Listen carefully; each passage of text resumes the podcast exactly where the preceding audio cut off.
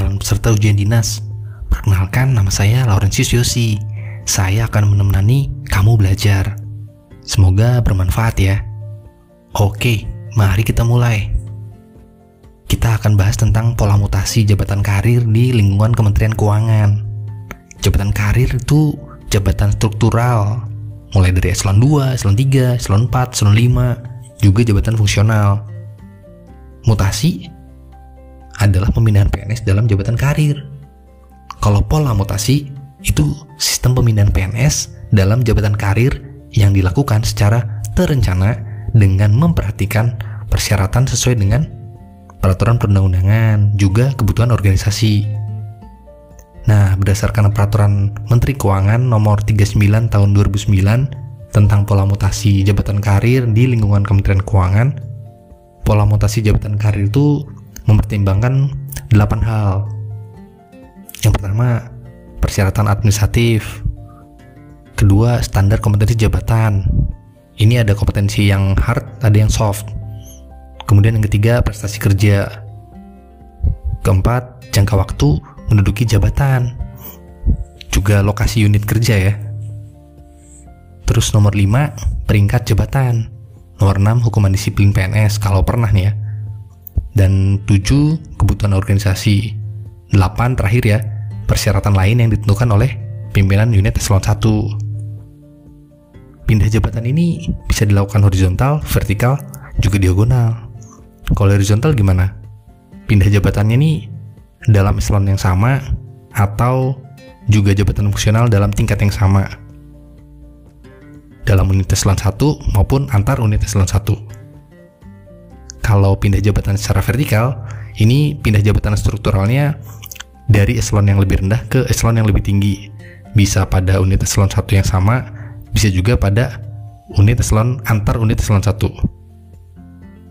Kalau pindah jabatan secara diagonal, ini pindah jabatan struktural ke dalam jabatan fungsional atau jabatan fungsional ke struktural.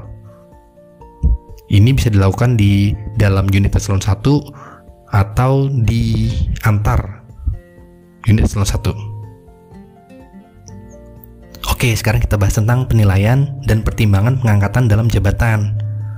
Pengangkatan, pemindahan, juga pemberhentian dari dan dalam jabatan struktural ditetapkan tuh oleh presiden atas usul pimpinan instansi setelah dapat pertimbangan tertulis dari Komisi Kepegawaian Negara untuk menjamin kualitas juga objektivitas dalam pengangkatan, pemindahan dan juga pemberhentian PNS ini di setiap instansi dibentuk Baperjakat atau Badan Pertimbangan Jabatan dan Kepangkatan. Kalau untuk jabatan fungsional ada namanya Badan Pertimbangan Jabatan Fungsional atau Baper Jafung. Di lingkungan Kementerian Keuangan, Baperjakat sama Baper Jafung ini ada yang di instansi pusat, ada juga yang di unit eselon 1. Bapak Jakat di instansi pusat ini punya tugas memberikan pertimbangan kepada Menteri Keuangan tentang pengangkatan, pemindahan, pemberhentian dari dan dalam jabatan struktural eselon 1 sorry eselon 2 maksudnya dan dalam eselon 3 kalau Bapak Jakat unit eselon 1 ini punya tugasnya memberikan pertimbangan kepada pimpinan unit eselon 1 ini mengenai pemindahan, pengangkatan, pemberhentian, dan dari dan dalam jabatan struktural eselon 4 dan 5. Bapak Jafung juga sama. Di instansi pusat, itu punya tugas memberikan pertimbangan kepada Menteri Keuangan, sedangkan Bapak Jafung di unit eselon 1 itu memberikan pertimbangannya kepada pimpinan unit eselon 1. Kalau di instansi pemerintah yang lain, itu Bapak Jakat tingkat pusat juga ada selain yang pusat ya itu ada juga beperjakat daerah ada juga beperjakat daerah kabupaten kota. Oke lanjut kita bahas tentang penilaian kinerja. Penilaian kinerja ini dasarnya itu PP nomor 30 tahun 2019 jadi penilaian kinerja PNS itu dilakukan dengan tujuan untuk menjamin objektivitas pembinaan PNS yang dasarnya dari sistem prestasi dan sistem karir Nah, penilaian kinerja PNS ini dilakukannya berdasarkan perencanaan kinerja pada tingkat individu dan tingkat unit atau organisasi. Jadi ada dua ya, ada tingkat individu, ada juga tingkat organisasi. Yang diperhatikan apa? Ada target, capaian, hasil, manfaat, juga perilaku PNS. Penilaian kinerja ini dilakukan dengan prinsip satu objektif, dua terukur, tiga akuntabel, empat partisipatif, lima transparan. Penilaian kerja ini terdiri dari SKP atau sasaran kerja pegawai dan juga perilaku kerja. SKP atau sasaran kerja pegawai ini apa sih? Itu rencana kerja dan target guys yang dicapai oleh PNS. Kalau perilaku kerja ya tingkah laku, sikap, tindakan yang dilakukan oleh PNS atau tidak dilakukan oleh PNS eh, sesuai dengan ketentuan peraturan perundang-undangan yang berlaku. Penilaian kinerja PNS ini digabung nih antara nilai SKP dan nilai perilaku. Nilai SKP-nya bobot 60%, sedangkan perilaku kerja bobotnya 40% penilaian kinerja PNS ini dinyatakannya nanti dalam angka atau sebutan atau predikat bisa sangat baik kalau sangat baik nih nilainya 110 sampai dengan 120 tapi bisa juga sangat baik ini punya arti pegawai yang bersangkutan itu menciptakan ide baru atau cara baru dalam peningkatan kinerja yang memberi manfaat bagi organisasi atau negara di bawahnya sangat baik itu ada baik kalau baik ini uh, nilainya mulai dari 90 sampai dengan di bawah 120. Jadi nggak nyampe 120 ya. Ini karena angkanya koma. Di bawahnya baik ada cukup. Cukup ini mulai dari 70 sampai di bawah 90. 89,9 itu cukup. Di bawahnya cukup ada kurang. Kurang ini kalau PNS nilainya 50 sampai dengan 70. Kurang dikit. Jadi 69,9. Soalnya kalau 70 itu masuk kategori cukup. Yang paling bawah, paling jelek nih, aduh, mudah-mudahan jangan ya. Itu predikatnya sangat kurang. Ini kalau nilainya di bawah 50. Nah, sebagai tindak lanjut dari PP nomor 46 tahun 2011, Kementerian Keuangan tuh telah menetapkan juga KMK nomor 467 tahun 2014 Ada juga KMK 590 tahun 2016 tentang pedoman dialog kinerja di lingkungan Kementerian Keuangan. Kalau 467 tahun 2014 itu tentang pengelolaan kinerja, kalau KMK 590 2016 tentang pedoman dialog kinerja. Nah, di KMK 467 2014 itu antara lain mengatur apa sih? Pertama, PNS Kementerian Keuangan itu wajib menandatangani SKP paling lambat tanggal 31 Januari. Kalau yang kedua itu penilaian IKU dan penilaian kerja sebagai dasar penyusunan SKP, juga penilaian prestasi kerja itu wajib dilakukan tuh. Dasarnya PP 46 tahun 2011. Kalau terlambat ngisi uh, eh, SKP, menetapkan SKP, ini implikasinya bisa penundaan kenaikan pangkat juga kena hukdis. Jadi hati-hati ya guys. Nah, saat ini sebenarnya PP nomor 46 tahun 2011 itu udah dicabut, diganti dengan PP nomor 30 tahun 2019. Tapi KMK 467 tahun 2014 ini masih berlaku sepanjang belum ada aturan terbaru yang menggantikan KMK tersebut. Dan memang belum ada sih. Selain nilai kinerja pegawai yang diukur dari capaian SKP, penilaian juga dari nilai perilaku Nah, nilai perilaku ini adalah nilai yang didasarkan pada enam aspek penilaian. Apa aja itu? Pertama, orientasi pelayanan, kedua integritas, tiga komitmen, empat disiplin, lima kerjasama, enam kepemimpinan. Saya ulang ya. Satu, orientasi pelayanan. Dua, integritas. Tiga, komitmen. Empat, disiplin. Lima, kerjasama, 6. Kepemimpinan. Penilaian perilaku ini dalam satu tahun dibagi jadi dua semester. Yang pertama semester 1 mulai dari 1 Januari sampai dengan 30 Juni. Periode 2-nya atau semester 2 itu dari 1 Juli sampai dengan 31 Desember. Nah, uniknya penilaian kinerja di Kementerian Keuangan ini udah menerapkan 360 derajat. Jadi, penilaiannya dari atasan, bawahan, juga peer.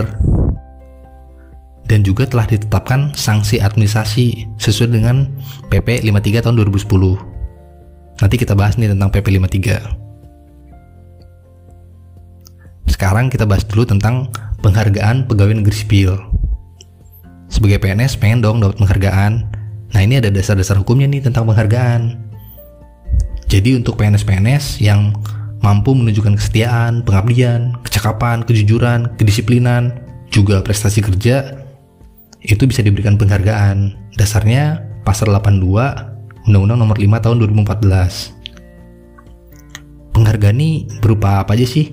Bisa tanda kehormatan, kenaikan pangkat istimewa, kesempatan prioritas untuk pengembangan kompetensi, bisa juga kesempatan menghadiri acara resmi atau acara kenegaraan. Ada dasarnya juga nih, pasar 83 Undang-Undang Nomor 5 Tahun 2014. Kementerian Keuangan juga lewat KMK nomor 627 tahun 2018 itu mengatur beberapa hal tentang penghargaan PNS.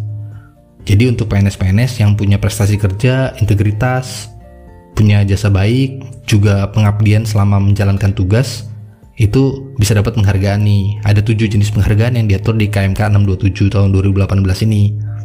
Yang pertama, penghargaan talent. Kedua, penghargaan pegawai berprestasi. Tiga, penghargaan pegawai teladan. Yang keempat, Satya Lancana Karya Satya. Kelima, penghargaan bagi pegawai yang menjelang dan atau memasuki masa batas usia pensiun.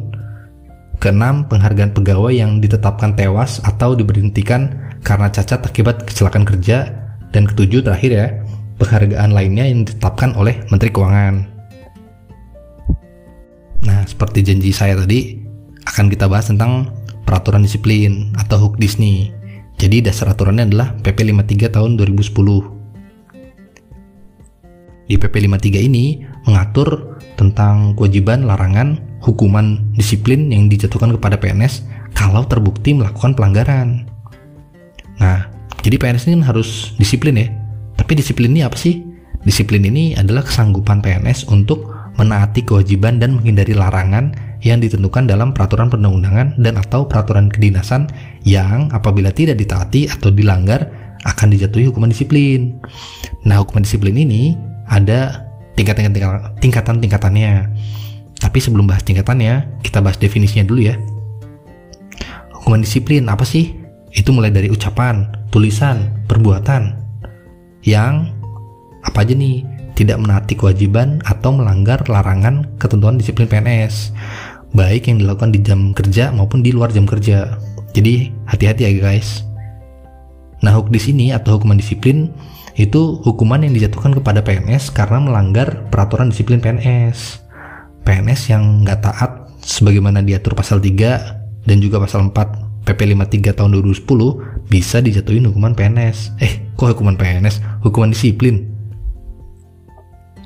Penjatuhan hukuman disiplin ini maksudnya baik guys untuk membina PNS yang telah melakukan pelanggaran supaya yang bersangkutan ini punya sikap menyesal dan juga tidak berusaha mengulangi atau bisa memperbaiki diri di masa yang akan datang. Nah, sekarang kita masuk ke tingkat-tingkat dan jenis-jenis hukuman disiplin. Tadi udah dijanjiin juga kan di awal ya. Jadi ada tiga tingkat, ringan, sedang, berat. Nah jenis-jenisnya nih, kalau untuk yang ringan itu ada lisan, teguran lisan, ada juga teguran tertulis. Sama satu lagi pernyataan tidak puas secara tertulis. Jadi untuk yang ringan, saya rekap lagi, itu ada teguran lisan, teguran tertulis, ada juga pernyataan tidak puas secara tertulis. Kalau teguran lisan ini unik guys. Jadi kalau teguran lisan, ini hukdisnya berupa teguran lisan tapi dituangkan dalam bentuk surat keputusan yang ditetapkan oleh pejabat yang berwenang. Jadi kalau atasan menegur bawahan tapi tidak dituangkan dalam bentuk surat keputusan, ya bukan hukuman disiplin maksudnya. Kalau teguran tertulis ya jelas dinyatakan dan dituliskan ya. Jadi hukdisnya ini berupa teguran tertulis dinyatakan dan disampaikan secara tertulis oleh pejabat yang berwenang. Yang ketiga tadi jenisnya ada pernyataan tidak puas secara tertulis. Ini maksudnya apa sih? Maksudnya adalah hukdisnya berupa pernyataan tidak puas secara tertulis yang dinyatakan atau disampaikan secara tertulis oleh pejabat yang berwenang. Jadi intinya ya ya itu tidak menjelaskan sih sebenarnya sih. Oke lanjutlah kita ke hukdis yang sedang ya. Hukdis sedang ini jenisnya ada tiga. Penundaan kenaikan gaji selama satu tahun, gaji berkala ya. Kemudian penundaan kenaikan pangkat. Oh bedanya apa sama yang pertama tadi? Yang pertama tadi kenaikan gaji, kalau yang sekarang menaikkan pangkat yang ditunda selama satu tahun. Yang ketiga jenisnya masih dalam kategori disiplin sedang ya. Ini penurunan pangkat setingkat lebih rendah selama satu tahun. Semuanya sama nih untuk yang disiplin sedang satu tahun semua periodenya. Jadi untuk yang penundaan kenaikan gaji berkala, kenaikan ga, kenaikan pangkat, juga penurunan pangkat setingkat lebih rendah ini periodenya selama satu tahun. Nah kalau berat nih, waduh, serem banget guys. Jadi penurunan pangkat setingkat lebih rendahnya itu tiga tahun. Kalau yang sedang tadi kan satu tahun. Kalau yang berat tiga tahun. Jenis yang kedua itu pemindahan dalam rangka penurunan jabatan setingkat lebih rendah. Jadi dipindahin. Kemudian dinonjob atau pembebasan dari jabatan.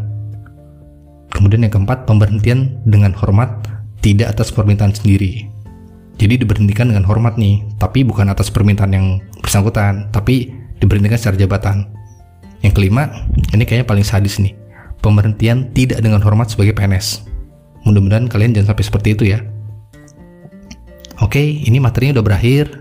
Uh, jangan lupa belajar terus. Uh, kasih juga penilaian ya di akhir sesi ini. Sampai jumpa lagi di sesi berikutnya dengan teman saya. Akhir kata, saya Lawrence Yosi signing out. Selamat belajar dan semoga sukses. Bye.